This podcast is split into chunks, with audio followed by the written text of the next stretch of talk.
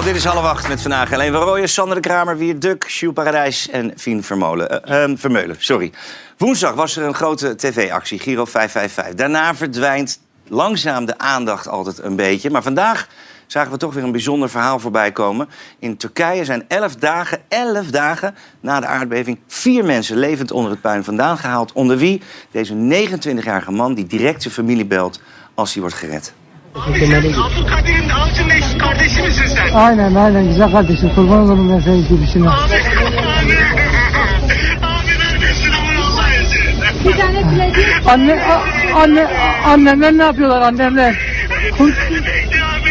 He, Seni bekliyor abi. Seni bekliyor. Hepsi seni bekliyor. hem hepsi kurtuldu. Seni bekliyor abi.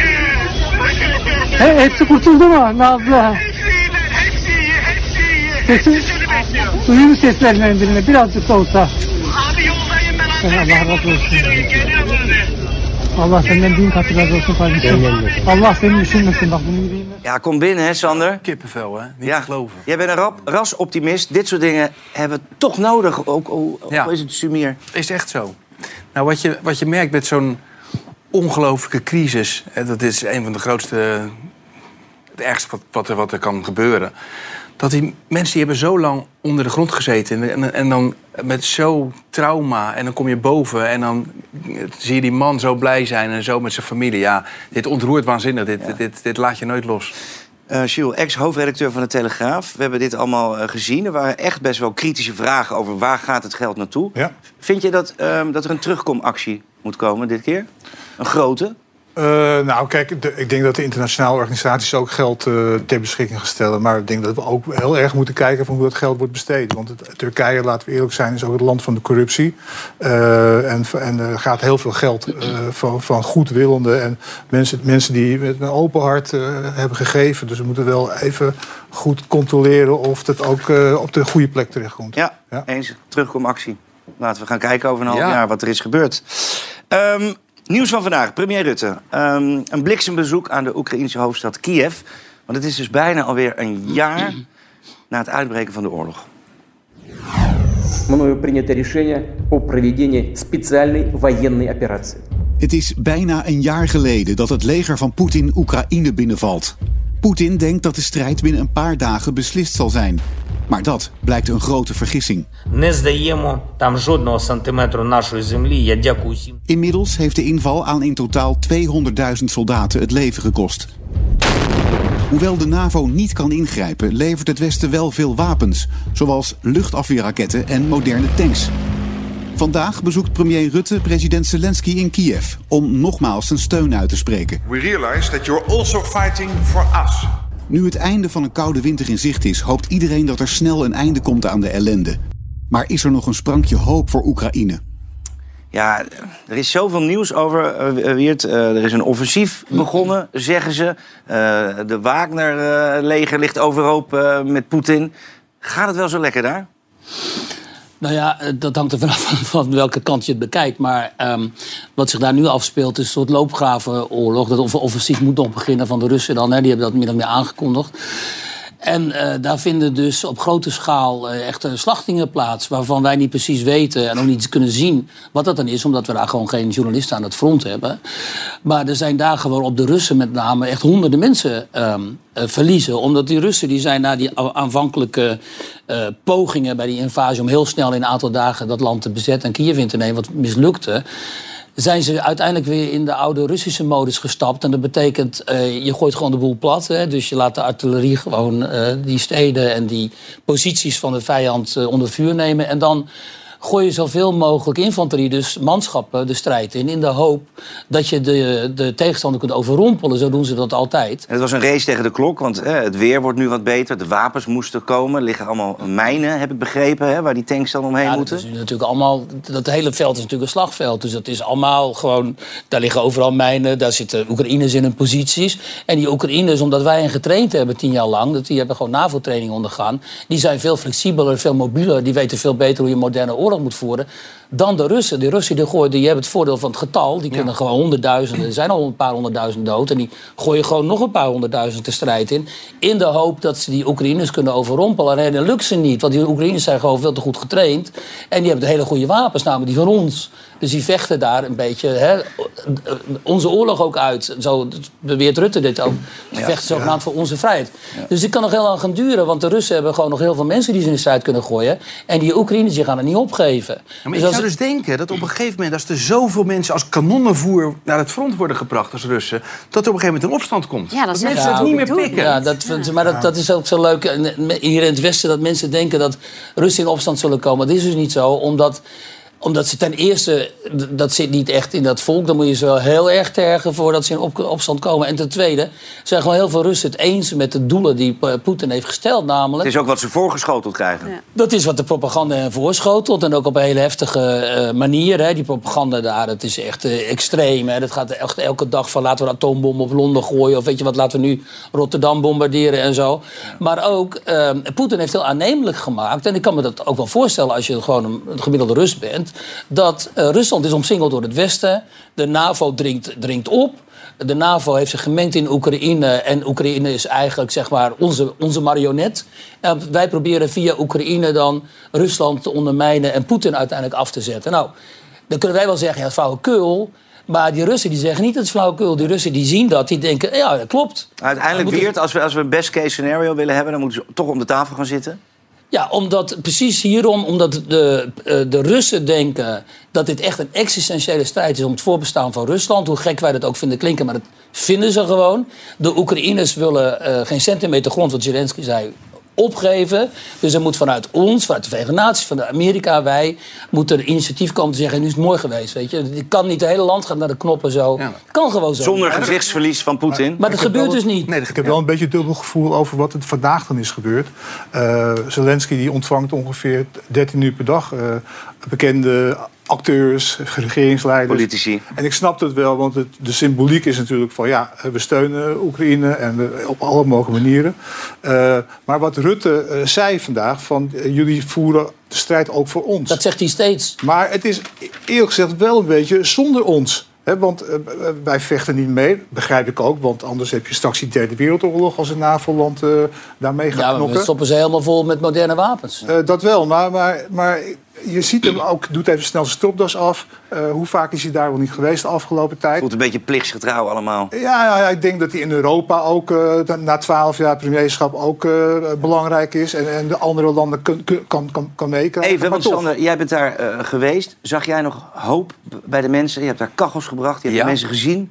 Nou ja, wat ik zag zijn heel strijdbare mensen. Die Oekraïners zijn zo ontzettend strijdbaar. Dat is ongelooflijk. Ik ben op een gegeven moment ben ik liftend de grens overgegaan. Want je kunt 18 uur kun je erover doen voordat je aan de andere kant van de grens bent. Dus in Oekraïne. Nee, ik ben gewoon helemaal naar voren gereden. En toen op, de, op, de, op het raam geklopt. Dus je en zag toen nog deed iemand open. En die zei van, ja, tuurlijk, stap maar in. Maar ik zag iets in zijn ogen. Wat bleek nou, had hij een kunstoog en hij had een ijzeren arm. Want ik wilde me voorstellen. Toen zei hij, maar ik kan nog steeds schieten, hoor. Ik kan nog steeds schieten. Zo strijdbaar, dat is echt... Nou, dat, dat... En mensen zijn er ook echt heel erg van, wij laten ons er niet onder krijgen. Ze proberen ons te krijgen door ons in de kou te zetten. Door, door onze elektriciteitscentrales kapot te schieten. Maar ze zeggen echt van, juist... Hoe strijdbaarder we worden. En dat vind ik wel Maar heel zij knap. verliezen ook honderdduizenden mannen. Ja, dus eh, weet je, ik bedoel, het is we natuurlijk. We, kunnen die, we moeten natuurlijk heel veel respect he- hebben voor die Oekraïnse strijdbaarheid en zo. Maar dit is oorlog en er gaan veel te veel jonge mensen gaan dood en het land gaat kapot. Dus En als die oorlog nog langer eh, eh, doorgaat, dan eh, blijft Rusland ook uitgesloten van allerlei evenementen eh, en sportwedstrijden. Eh, ja, we moeten even door naar de sport. Hoe zit dat in Rotterdam? Eh, daar doet er nog eentje mee. Daniel Medvedev. die Ja, doet, eh, en dan onder een neutrale vlag, hè, geloof ik. onder een neutrale vlag. Ja. Juist. Ja, want in eh, Rotterdam gaan we langzamerhand richting de finales van het ABN AMRO-toernooi. Vanavond dan staan Gijs Brouwer en Tellen Griekspoor tegenover elkaar in de kwartfinale. En dus hebben we sowieso een Nederlander in de halve finale staan. En het zou toch zo ontzettend leuk zijn als we eindelijk weer een keer een Nederlandse winnaar hebben. Want wie weet er aan tafel wie eigenlijk de laatste Nederlandse winnaar van het ABN AMRO-toernooi was. Siemerink. Of niet? Kijk, Jan Siemerink. Goed, hé. 1998, toen Is speelden ze gewoon nog op tapijt. Dus moet je nagaan, dat is eh, echt heel lang geleden. Ehm, ik vind het een leuk toernooi om naar te kijken. Maar ik vind het toch jammer dat er geen vrouwentoernooi is. Want ik denk toch echt dat er gewoon heel veel talent hier in Nederland rondloopt. Kijk maar even goed en onthoud deze naam, dames en heren. Helene van Rooyen. Kijk. Oh nee. Zo, kijk eens die souplesse. Och. Dit zijn illegale beelden. Oh ja, ja. Vooral het laatste. Ja, ik ben ook. Je zit hier verkeerd, joh. Je moet in een hooi staan. Goed, eh, ook voor de voetballiefhebber is eh, Rotterdam eh, zaterdag het decor van een topper. Want koploper Feyenoord ontvangt dan de nummer 2 AZ. Ja, en bij eh, de AZ-fans zullen de ogen waarschijnlijk gericht zijn op Pavlidis. De Griek staat met 10 doelpunten bovenaan de topscorerslijst van de club. En bij Feyenoord is dat Orkun Kukcu. Hij eh, maakte er al 8. Maar die is helaas geschorst in de topper. Omdat hij tegen Heerenveen zijn vijfde gele kaart pakte. Sander, wie moet hem vervangen? Deelroosen. Ja, dat denk ja. ik ook. Ja, nee, dat is... eh, Maar wel een aderlating, toch? Ja, tuurlijk is het een aderlating. Kukcu is toch eh, zo'n rustgever op het middenveld ook. Maar ik denk wel, eh, als wij thuis spelen tegen AZ... zie je toch vaak wel dat AZ een beetje geïmponeerd is van die kuip. Kuip. Maar het nadeel is, ze hebben natuurlijk een appeltje te schillen met slot. Dus ze willen ook wel... Ja. eh, Snap je? Wordt een lekker wedstrijdje. wordt een lekker wedstrijdje. Goed, ik wil ook even ietsje verder vooruitblikken. Want Rico Verhoeven zou natuurlijk zijn een wereldtitel gaan verdedigen tegen de Kroaat Antonio Platsibat. Maar door de blessure van Rico is die wedstrijd voorlopig uitgesteld. Maar ja, Antonio die verveelt zich en die wil gewoon vechten. We are organizing a four-man tournament this April. I need the four baddest motherfuckers out there to come and get a chance to fight me. Come on, motherfuckers, come and get it. The winner gets to fight me for the belt. Let's get ready. Eh, ja, Helene, jij hebt ooit gevochten. Ik heb eh, een eh, wedstrijd gebokst tegen Ellemiek Vermolen. Ja. en Die heb Kijk, ik- ja, hier was dit? Kijk, daar heb je hem. Zo. Dit was Oh, eh, heftig. Ja, ik was goed afgetraind. Maar zij is een kop groter dan ik. Dus eigenlijk konden we niet in dezelfde gewichtsklasse. Maar ik verloor op punten. Maar het was Dus jij voelt je niet geroepen voor deze oproep van uh, Platsibat? Nou, dan moet ik wel weer even in training. Ja, dankjewel eh, Noah. Eh, over van de sport naar een, ja, een ander groot probleem in Nederland. Ehm, even een vraag hier aan tafel. Hoeveel mensen denken jullie dat er in Nederland onder de armoedegrens leven? Ik zeg eh 250.000. Een miljoen. Dan moet je je afvragen waar de armoedegrens ligt. Want die, daar kun je over discussiëren. Dat klopt. Eh, dus daar moeten we wel een beetje mee oppassen... dat we dit land niet tot een, eh, tot een armoedeland gaan bestempelen. Want eh, we hebben een heel mooi sociaal stelsel. Dus kijk even uit met de beeldvorming. 1500 euro bruto, daar, moeten ze dat, dat, daar is die op gesteld. En dat zijn dus een miljoen Nederlanders die het daarmee moeten doen. Eh 6% is dat ongeveer van onze bevolking. Ehm, nou is het volgende. Mensen die in armoede leven, die sterven gemiddeld acht jaar eerder. Artsen en meer dan 70 organisaties die roepen het kabinet nu om in actie te komen. Het kan niet zo zijn in Nederland dat mensen ziek worden van armoede. Stress door schulden en hoge prijzen. En gezondheidsklachten door slecht geïsoleerde woningen. De gezondheidsklachten door vocht in huis in combinatie met mijn reuma, dat gaat gewoon niet goed. Huisartsen hebben het druk met mensen die letterlijk ziek worden door geldgebrek. De artsen slaan nu alarm en schrijven een brandbrief aan het kabinet. De oplossing moet echt zijn dat je die schuldenproblematiek oplost of de hu- huisvesting goed organiseert. Is de overheid verantwoordelijk voor de gezondheid van arme mensen? Ja, ehm, ehm, stress is natuurlijk niet goed. Ongezond eten is natuurlijk niet goed. Maar ja, dat gezonde eten is nou eenmaal duurder. Ja, dat is echt zo. Ik had laatst dat ik eh, bij het tankstation even wat mee moest nemen voor een eh, collegaatje. Toen ging ik drie croissantjes halen, een appelflap of zo en een donut voor hun. Ik ben zelf allergisch voor gluten, dus dat was echt niet voor mij. En dat was 7 euro. Dan denk ik, nou, letterlijk, daar koop je bij de Albert Heijn misschien 2,5 bloemkool voor of zo. Ja. Ja, Sander, ja, dit is een thema dat gaat jou ook eh, aan het hart. Ja. Je bent hoofdredacteur geweest van de Dakloze Krant. Mensen die ziek worden van armoede, ziek worden van armoede, herken je dat? Zeker. En wat me ook heel erg raakt zijn eh, veel kinderen. Als je het hebt over een stad als Rotterdam. Eén op de vijf kinderen groeit op in armoede. Ja, die komen gewoon met, letterlijk met beschimmeld brood komen ze, komen ze op school. En dan, eh, mijn vrouw zit in het onderwijs. Die geeft les in Delfshaven. En die komt dan echt die kinderen tegen ze van... joh, ook al acht dagen in dezelfde kleren lopen. Eh, die komt bij mensen thuis, waar op een gegeven moment... s'avonds eh de huiskamer een, een, een, eh, ja, eigenlijk een, eh, een slaapzaal wordt. En, de, en s ochtends worden de matrassen dan weer tegen de verwarming aangezet. Ja, het is echt heel heftig wat je, wat je Dus tegen... we moeten voorzichtig zijn met de cijfers. Maar ik bedoel, zo goed gaat het Ja, toch ook niet? Kijk, we moeten uitkijken dat we niet. Kijk, natuurlijk is iedereen tegen armoede. Hè, maar we zijn ook niet een soort zielig land. In alle landen komt dit voor. En het, het, het frame van, ja, er wordt niks gedaan door die 70 organisaties voor deze mensen, dat is natuurlijk helemaal niet waar. Als je kijkt naar hoe we het geregeld hebben met de bijstand, met de bijzondere bijstand, met allerlei regelingen voor de, als vangnet om juist deze mensen te helpen als het gaat om schuldsanering. Als je weet hoeveel regelingen er zijn op dat gebied. Dus laten we nou niet doen. Ik snap dat het trieste verhalen zijn en met jongeren en ik snap het, maar laten we ook reëel blijven. Want kijk, achterin volgende kabinet hebben we echt heel veel gedaan op dit gebied. Gemeentebesturen, doen van alles en nog wat. Dus laten we het ook niet ja, Het probleem is eh, dat het overdrijven. vaak, het is vaak een generatiekwestie. Hè? Dus armoede gaat over van generatie voor generatie. En het is vaak stapeling van problemen. Hè? Dus heb je eh, schulden, maar ook psychische problematiek, verslavingsproblematiek vaak. eh, al- eh, scheidingen, alleenstaande moeders betreft het vaak. Dus het is een hele specifieke groep. En eh, kijk, Sjoerd heeft natuurlijk gelijk. Ik bedoel, het Nederlands sociale vangnet, dat is natuurlijk een heel, dat is een heel beschaafd gewoon systeem. Is goed geregeld. Het hele, ja, het hele systeem van... We, hebben, we hebben een ervaringsdeskundige aan de bar, Stella. Ja. Ehm, eh, moet de overheid meer doen? En is het best wel goed geregeld in Nederland? Wat vind jij? Nou ja, ik ben het met Jules niet zo helemaal mee eens. Wat je net zei. Ehm, het wordt in principe wel goed geregeld. Alleen het is gewoon heel moeilijk om de weg te vinden. zodat het goed geregeld wordt voor mensen. Dus eh, er zijn heel veel regelingen. Alleen die regelingen die zijn niet zo makkelijk te krijgen zoals iedereen denkt dat je ze kan krijgen.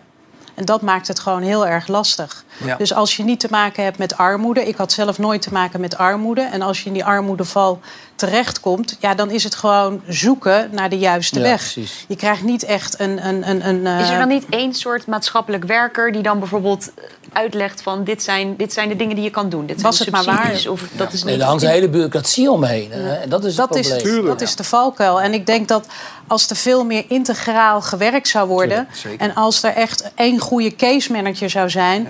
en die zou jou, zeg maar, eh, net zoals dat je een consultatieboekje krijgt... als je kind geboren wordt, daar staat gewoon stapsgewijs in... wat je allemaal moet doen, wanneer je de eerste inenting moet halen... en noem alles maar op. Nou, dat krijg je echt niet als je in de bijstand komt... en je hebt altijd gewerkt, dan krijg je dat er niet bij. Nee, maar Stella, Niemand hoeft werkloos zijn op dit moment. Hè? we hebben nou. de laagste werkloosheid in de afgelopen 10, 10 jaar. En het is waar, we hadden een maatschappij gebaseerd op wantrouwen. Omdat er ook misbruik is gemaakt van allerlei sociale regelingen. Ja. Daar is het kabinet nu aan het, aan het veranderen. Dat, er, dat je dus ja, bij, in de bijstand bijvoorbeeld... als je gesteund wordt door je, door je ouders... Ja, maar of, Jules, Ja, weet je wat het wel is? Je hebt, je hebt misschien gelijk. Maar aan de andere kant heb ik zelf aan de lijve ondervonden. Ik heb 35 jaar lang in de modebranche gewerkt. Ik werkte van, nou ja, van 's ochtends vroeg tot 's avonds laat. Ik ben zeg maar op, van pech op pech ben ik in, Ja. eh, in de ziektewet en dan in de bijstand terechtgekomen. En eh, aan de buitenkant kan je niet zien dat er iets met mij is. Maar ik werd nergens aangenomen, want ik straalde iets niet uit wat te maken had met die pech die ik had. Dus ik geloof heel erg in dat iedereen kan werken. Alleen moet je wel de mogelijkheid krijgen dat mensen je een kans geven dat je kan werken. En hoe ver moet vadertje staat daarin gaan, vind jij, in deze? Want dat was de vraag. Nou, ik denk dat het gewoon een en-en is. Dus eh vadertje staat kan helpen. Maar ik denk dat het ook van de mensen zelf moet komen, van gemeenten moet komen. Het moet een samenwerking zijn, waardoor je niet eh, do- verder door het ijs heen zakt. Ja, want dat is een heel groot probleem. Hè. Op dit moment zie je natuurlijk dat en we hebben een torenhoge inflatie... Ja. en we hebben een ongelooflijk probleem met, die, met al die prijsstijgingen van, eh, van de energierekening. Maar moeten ze en alles. bijvoorbeeld eh, gezond ik- eten goedkoper ja, maken? Dan denk ik dus en, dat je een en, en ongezond eten duurder? Ja, ik denk, dat nou, Ja. ik denk dat je een plafond moet stellen op gewoon basisbehoeften in supermarkten bijvoorbeeld. Dat je gewoon zegt van nou, gezond eten heeft maximaal die prijs. Dat het voor iedereen bereikbaar is. Dat is gewoon belangrijk. Nou, dat moet dan de overheid gaan afdwingen. Dat, dat, dat vind ik heel vreemd. Ik vind... ehm, dat, dat kun je, we verwachten dus veel te veel van die. Kijk, aan de ene kant ben ik het helemaal met je eens. Er is een idiote bureaucratie omheen. Die mensen die ver- verdwijnen helemaal in het labyrint. Aan de andere kant, want ik spreek ook veel van die mensen voor de krant... zie je dat mensen enorm afhankelijk zijn gemaakt van de overheid. Die verwachten alles van de overheid. En die mentaliteit die moet je ook afbreken. Want het kan niet zo zijn dat de staat... eh, gewoon jouw hele leven eh, begeleidt, zeg maar. Jawel, maar als je eruit wil komen... Hè, ik, ik, ik heb dat boek uitgegeven... En eh, ik wilde per se dat boek uitgeven. Maar als je iets wil doen, dan moet je ingeschreven staan bij de Kamer van Koophandel. Ja. Nou, ik heb twee kinderen. Ik kon niet ineens die bijstand opzeggen. Dus eh, probeer dan maar eens Nou, te overleven. En dan dus, ja. blijf je eigenlijk in, in de greep van die toeslagen. Van de huurtoeslag, zorgtoeslag, noem alles maar op. En kom daar maar eens uit. En ik geef dan nu wel lezingen en eh, ik heb dat boek uitgegeven. Maar ik kan niet leven nog van dat geld van het boek. Ik kan nog niet leven van die Tenzij ik even noem hoe het boek heet. Oh ja, armoede krijg je gratis. Juist. Dat heb ik geschreven. Jongens, echt waar.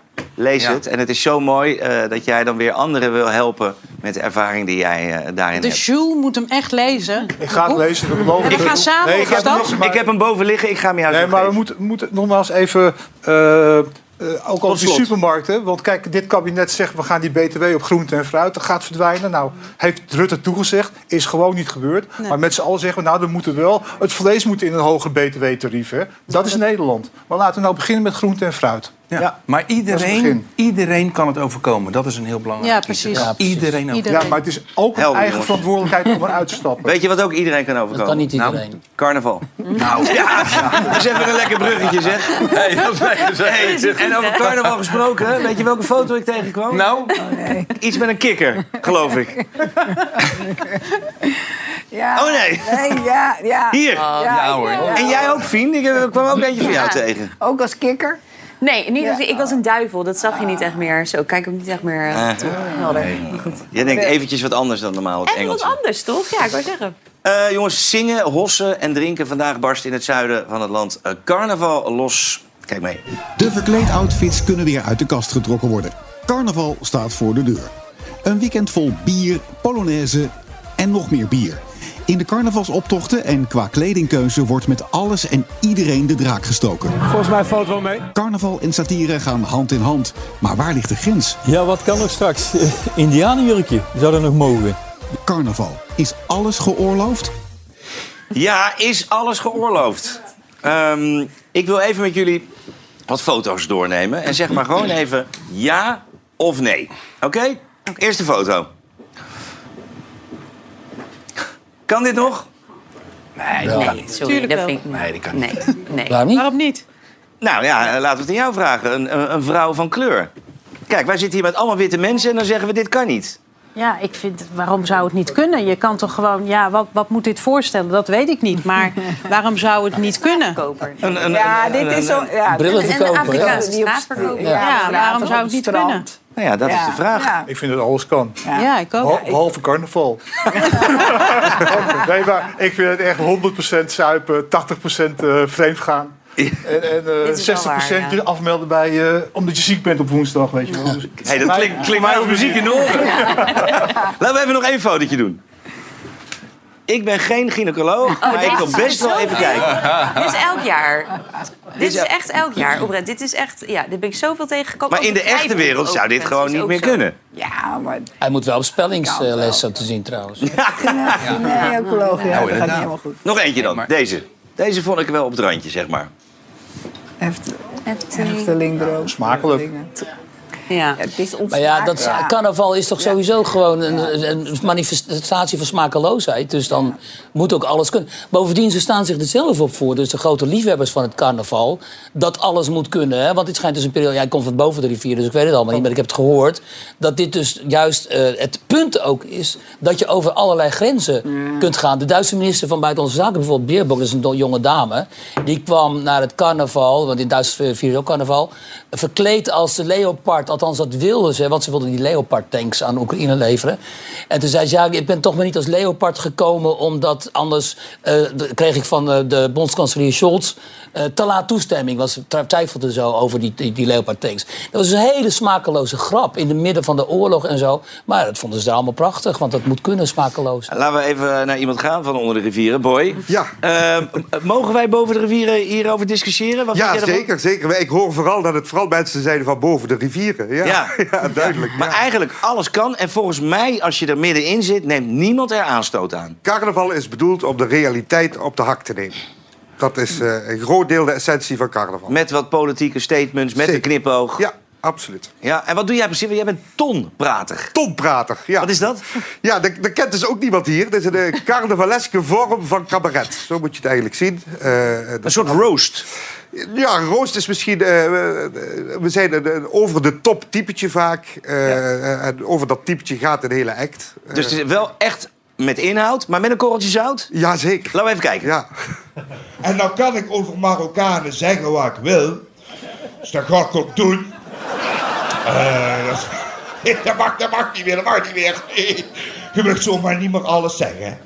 Ma- Marokkanen mogen tegenwoordig alleen nog zelf grappen maken over Marokkaan.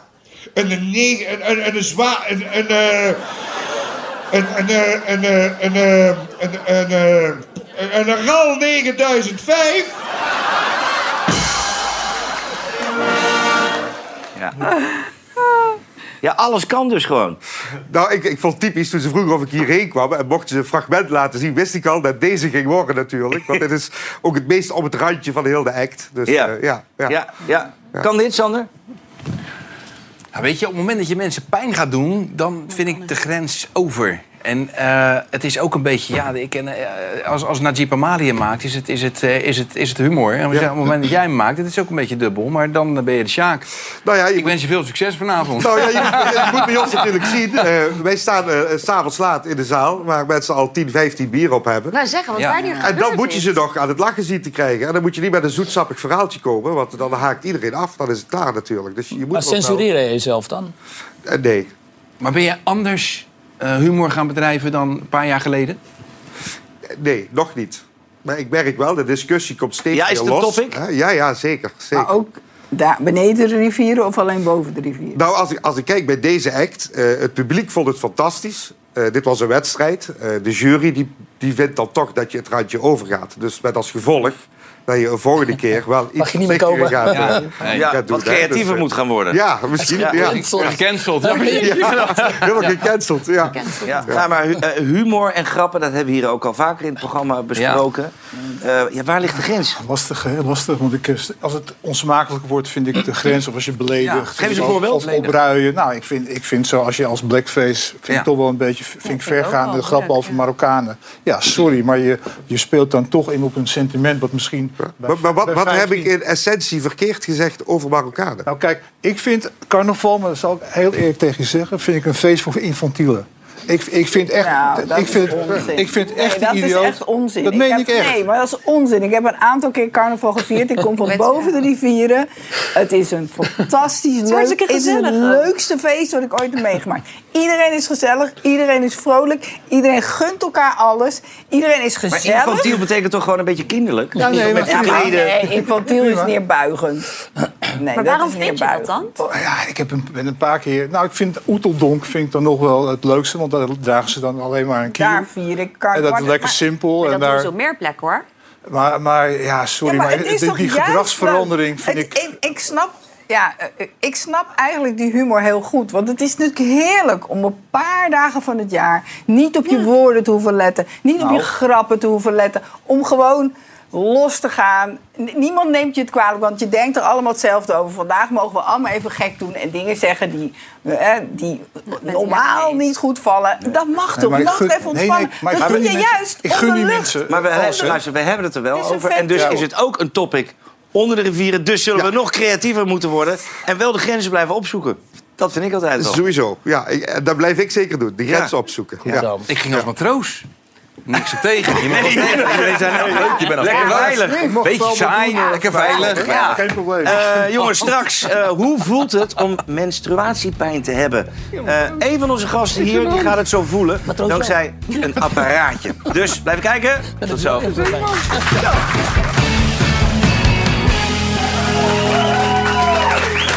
Mensen, welkom terug. Je kijkt nog steeds naar half acht. Ehm, even een vraagje. Fien, als jij ongesteld bent, Ja. op een schaal van 1 tot 10, hoeveel last heb jij daarvan? Qua pijn en ellende? Eh, nou, het verschilt heel erg hoor, maar ik ben het nu. Gisteren. nu? Oh, je nu al? Is het nu? Ja, Nee, heb hem echt? aangezet. joh. Oh, Nou, gisteren had wacht ik nog een heel elf. even, Peter. je bent te vroeg. Ik kom zo bij je. Jij vindt dit te leuk. Nee, gisteren had ik een 11, maar vandaag is het een 6 of zo. En waar Dus, uitzicht ja. dat in? Ja, het verschilt echt heel erg hoor per keer. Maar meestal eerst echt de hoofdpijn. Ik heb gelukkig niet dat het, dat het zo verschrikkelijk is dat ik muziek zou willen melden. Maar wel, eh, ja, het kan wel echt krampen zijn waar je echt... dat het zoveel pijn doet dat het niet meer kan zitten. Het is dus echt heel, heel, heel verschillend. Hè? Sommige vrouwen hebben zo'n hevige menstruatiepijn dat ze niet kunnen werken. Nou, in Spanje eh, hoeft dat niet meer, want daar kan je gewoon nu met menstruatieverlof. In Spanje is het nu officieel menstruatieverlof. Het is onderdeel van een nieuwe wet. Willen we dat in Nederland ook? In Nederland heeft bijna 85% van de vrouwen last van menstruatiepijn. Blijkt uit onderzoek van het Radboud UMC. En dat heeft invloed op het werk. En dat is niet iets wat tussen ons oren zit. Dat is hormonaal gezien gebeurt er echt iets in je lichaam waardoor je anders functioneert. Er zijn overigens nu ook al bedrijven waar je menstruatieverlof kan krijgen. Is menstruatieverlof een goed idee? Ja, jij vindt dus van wel. Eh, ja, dat vind ik wel, ja. Ik eh, vind eh, echt dat vrouwen dat zelf moeten kunnen invullen. Hoe dat er dan uit zou zien. Want ik weet niet zo goed of de manier hoe het nu in Spanje is ingevuld... dat de manier is hoe het ook zou moeten. Maar ik ben zo blij dat er nu een gesprek op gang komt...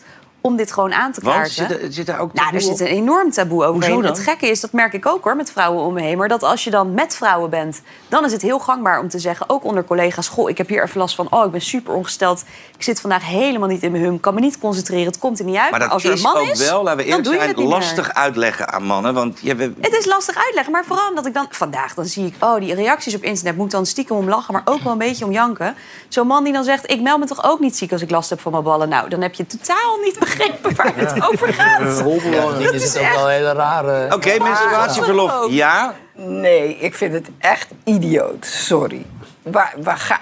De arbeidsparticipatie van vrouwen in Nederland is al super laag. Weet je wel, we werken allemaal part-time. Nou, ik niet, maar heel veel vrouwen wel. Die drie dagen als je ze dan ook nog zegt... en als je je echt niet lekker voelt, hoef je ook niet te komen. Nou, Maar dan ziek komt er is helemaal toch niemand meer. gewoon ziek, ja, maar als, je, als je ziek bent, kan je je ziek melden. Als Maar je echt het ziek bent... gewoon beter Nee, zijn om gewoon te je- kunnen zeggen... en ik kom niet, want ik voel me gewoon hartstikke Nee, ongesteld. je, nee, ja, ik vind dat... Je, dan, dit is weer dat pamperen. Dit is, dit is weer dat doorslaan. Ik vind Maar het het gaat om koorts, diarree, overgeven. Als Ja, je, ja, je toch- als je ja. koorts, diarree, overgeven hebt, dan ben je ziek. Ja, en dan bel je en dan zeg je, ik meld me ziek. Je kan je in Nederland ook gewoon ziek melden? Je Ja, moet totdat toch je dat de 13 keer per jaar doet. Inderdaad, om, om te kunnen zeggen waar dat dan aan ligt. Ja, maar Als je daar last zeggen van dan, hebt. ik meld me ziek, want ik voel me gewoon heel erg beroerd. Ja, maar dat vind ik Bovendien, ze werken toch maar drie dagen per week, dus de, de kans is groot dat... Dit is echt... Het dit is wel waar, helaas. Een miljoen is vrouwen werken fulltime.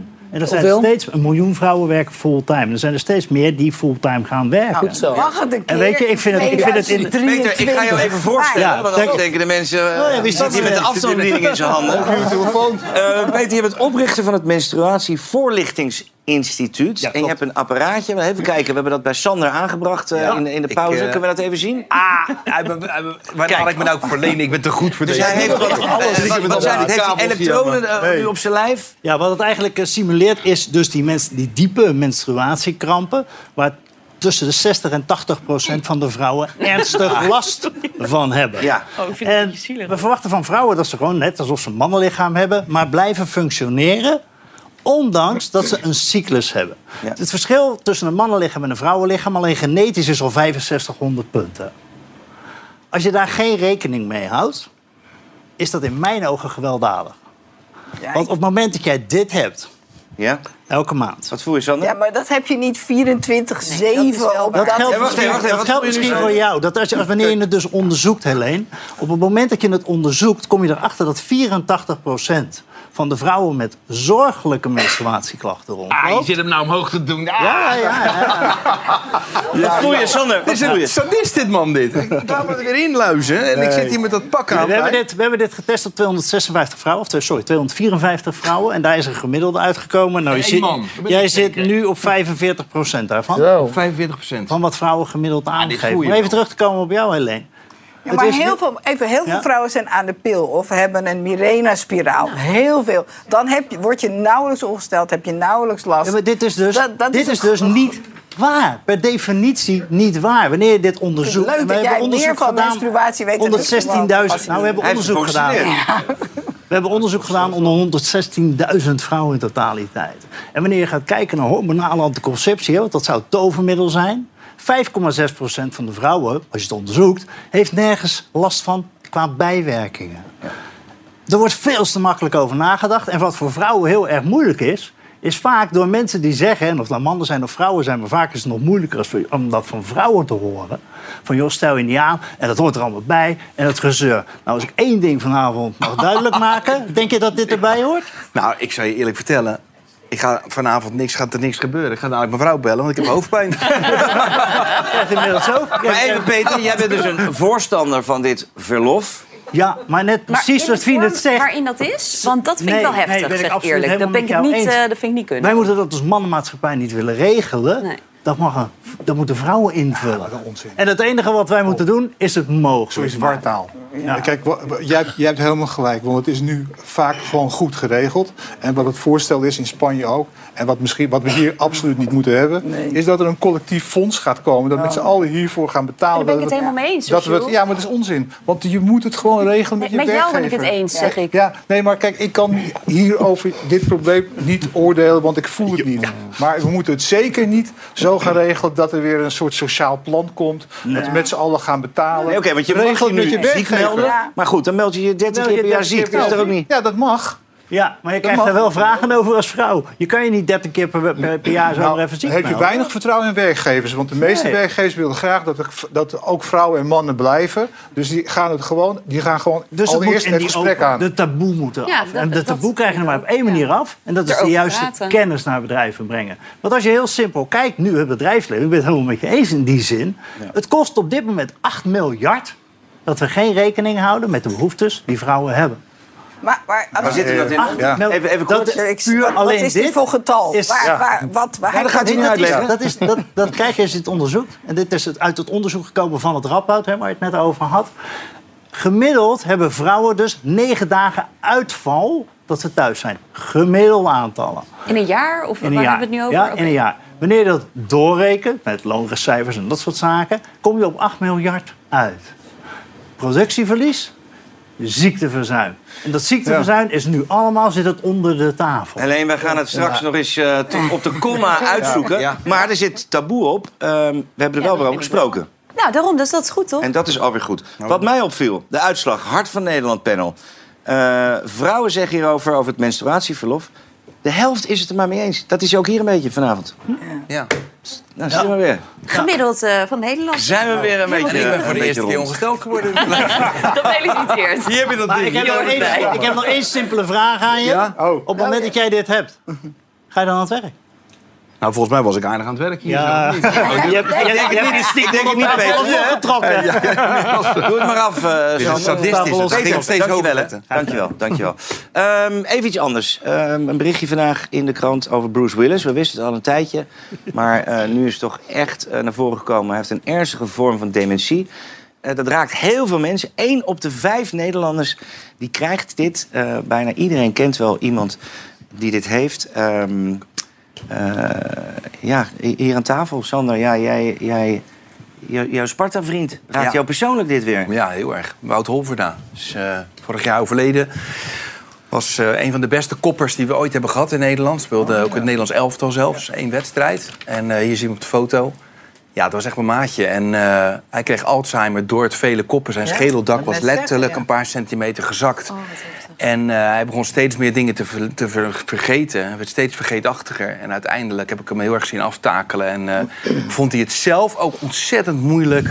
dat hij niet eens meer wist met wie hij in het Nederlands elftal had gespeeld. En dat waren toch echt Gullit, Van Basten, alle grote spelers. van- Pijnlijk, hè? Heel pijnlijk. Was Ja. echt heel pijnlijk. Vond het zelf zo moeilijk. Ja. Helen, jij hebt een prachtige docu gemaakt. Ja, het doet zozeer over mijn moeder, die eh, gelukkig wel op latere leeftijd dement raakt. Ik bedoel, dit, Bruce Willis is natuurlijk nog hartstikke jong. Eh, dit- dat is, vind ik wel echt een verschil. Ik vind het bij oudere mensen ook naar, maar toch wel Nee, meer ik heb een programma gemaakt Ja. met eh, mensen met jong dementie. Ja, dat Ja, is het. dat is- het. Het is al erg. Het Ja, is echt een klote dat is hard, Ja, Die eenzaamheid, laat maar zeggen. Die, mijn oma heeft het ook en die was inderdaad ouder toen ze het kreeg. En dat, dat, dat, dus ze heeft een prachtig leven gehad, dus dat is ook goed. Alleen wat ik gewoon zo verschrikkelijk zielig vind om dan te zien... is dat je dan zo iemand helemaal een soort van weg ziet kwijnen... en in de angst ziet raken van ik voel dat er iets met me gebeurt... maar ik durf het eigenlijk nog niet onder woorden te brengen, want ik wil het niet. En dat dan helemaal weghoudt voor iedereen en dan worden ze zo eenzaam. En dat is gewoon, ja, dat vond ik, dat vond ik echt heel heftig om Ja, te die zien. fase is ook het moeilijkste. Dat proces, ja, dat dat zeggen ze ook. Ja. Het, het gebeurt, vergeten. maar ja, ja, en dat echt. mensen ook op een gegeven moment er rekening mee gaan houden van... nou, Ja. laat ik maar niet vragen, want dat heb je Precies. net ook al gezegd. En dan wordt het gênant. Dan en dan, het- ja. Ja, en dan, oh, dat ze dan zei van, nee, ik heb al koffie gedronken. En dat je dan in de automaat keek en dat er dan van die beschimmelde pads in zaten. En dat je denkt, nou, dat is gewoon, dat, weet je wel, Mhm. helemaal, helemaal uitgedroogd omdat ze was vergeten te drinken. Ja, het is gewoon echt wel heel sneu. Is het een, eh, is het een, eh, een angst? Eigenlijk ja, je wil zeggen, Ja. een, een schrijver, een Ja. journalist. eh, kan ons allemaal overkomen. Hè? Dat is natuurlijk het, eh, Ja. het rare en het trieste tegelijk. En wat je wel ziet van Alzheimer in Nederland... er wordt heel veel onderzoek gedaan. Er zijn medicijnen al voor. Eh, er is op, goede opvang. Dit is niets wat helpt, hoor. Nee, precies, maar ze proberen het wel. oplossing. Nee. En Ik, ik, ik, ik, nou, mijn tante is er dus niet meer, maar die heeft denk tien jaar eh, op een gesloten afdeling eh, gezeten. Dus dan, dan zie je ook wat daar gebeurt. En het zijn gewoon mensen die ook ja, leven en misschien ook wel willen leven, Ja. maar, maar het gewoon even niet meer weten. Meer eh, onderzoek moet er komen. Ik las vandaag een berichtje, dus laten we het een beetje up eindigen. Eh 6 miljoen eh, gaat er weer naar eh, meer onderzoek. Want eh, ja, dat is natuurlijk nog eh, eh, heel erg belangrijk. Jongens, we gaan met iets anders eindigen vanavond. We gaan toch weer even naar jou, Sander. Rotterdam. Ja. Iets bestaat 20 jaar. Heb je dan enig idee waar ik het over heb? Nou, ja, ik zelf. Ja. hey, gezellig man. Ja. Ja, Ik weet het, hè? Ja? De kapsalon. Kapsalon. Ja, man. Ja. Dat is een fenomeen in Kijk, Rotterdam. eh, eh, hoe is dat ontstaan? Dat weet jij. Ja, tuurlijk. Er kwam eh, een kapsalon. Die vroegen elke keer om een speciale bestelling. En dat was deze bestelling. En toen zeiden ze het uiteindelijk zijn ze de kapsalon gaan noemen. Want elke keer kwamen die kappers die kwamen het halen. Ja. En zo is het ontstaan. Ja, het is in Rotterdam ontstaan. En eh, het, ze zeggen ook dat de allerlekkerste ook wel... eh, Er staan een aantal dingen op de werelderfgoedlijst, hè? Ja. Een aantal gerechten. Moet deze erop? Ja, natuurlijk. Kijk eens, ik heb er wat voor jullie meegenomen. Maar ik vind dit gelegaliseerde voedselvergiftiging. Want Het kan toch niet zo zijn dat, zeg maar echt, dat- ik- het kan toch niet zo zijn dat we met z'n allen zeggen we gaan gezonder leven en we gaan we- en we gaan Jongens, af en toe. lachen. Ja, maar Een beetje in balans, toe. toch? Het is voor Ja. holbewoners. Ja, maar het is toch ook lekker om af en toe even een beetje Holbewoners erin te houden. Slaan we jou even over, eh, Jules. Ja. kijk. Je hebt, je hebt gisteren een, eh, een, een heftige film gezien. Ja, ik ben bij eh The Whale geweest. Dat is de, de man die eh over. getroffen is door eh, obesitas. Nou, ik weet er zelf ook eh, wat van. Ja. Ehm, maar eh, ja, ik kan iedereen die, eh, die van lekker eten houdt... kan ik adviseren om even naar die film te gaan. Want dan zie je wat het met je kan doen. Soms wel 300 kilo, 350 kilo komt eh, voor. En ja, het is wel, een, ja, wel goed. Vooral, vooral als je dit eh, voor je neus... eh, Ja, het is een gigantische Krijg. caloriebom, maar af en toe een, een vette bek halen, dat Hoeveel, is, denk is toch je? prima. Ik zou het niet weten. Duizend Weet jij het? calorieën of zo, toch? 1800. Wat? Nee. Ja, 1800. Ja. nou, dat kan je Ja, maar ik snap jou wel. Je hebt, een, maag, je hebt een maagverkleining gehad, toch? Ja, maar we hebben 50 Michelin-restaurants. We zijn met z'n allen zijn we beter en gezonder aan het eten. Hoe kan het nou zijn dat, we dit, dat jij dit zo gaat eten? Maar kijk, je Ik ligt allemaal sla op, Jules. ja, Ja, sla... eh, eh, eh, zit- Ja, maar Jules, je wilt toch soms ook gewoon even een normaal hamburgertje in plaats van een Ja. weet ik veel. Heb je meer trek in dit als je ongesteld bent? Even misschien een Ik stomme heb vraag. nooit trek in dit. Ik vind het echt heel smerig. Ik ben het maar normaal gesproken denk ik... Ja, je vroeg het aan mij toch, neem ik aan. Ja, ja, ja. Gaan we eten. Want jij weet het. Sander, gaan we eten. Jongens, we moeten het allemaal een beetje in balans houden. De lach en de traan, het ligt dicht bij elkaar. Gezond en ongezond. Als we maar een beetje op elkaar letten. Weet je dat die in Rotterdam op, eh, op de erfgoedlijst is gekomen? Echt Rotterdams erfgoed is het geworden. Echt Dus waar? ja, nummer 26 Nog nooit volgens iemand mij. zo zien glunderen. Ja, ja, deelde. Jules deelde, Abu Talib en jij ook, hè? Jij bent ook erfgoed geworden. Kijk dan. Hier. Ja, dat was echt een enorme eer na het eten van een kapsalonnetje. Ja. Heerlijk. Wat mooi, jongens. Eh, we gaan hem afronden. Eh, ik wil al mijn gasten bedanken dat ze hier waren vanavond. Het publiek ook. Eh, ik wens jullie een heel fijn weekend. Maandag zit Helen hier. Te gast zijn dan Jack Vergelder, Goede Liekes en Jack Ploy. Fijn weekend. Wees lief voor elkaar. Hoi.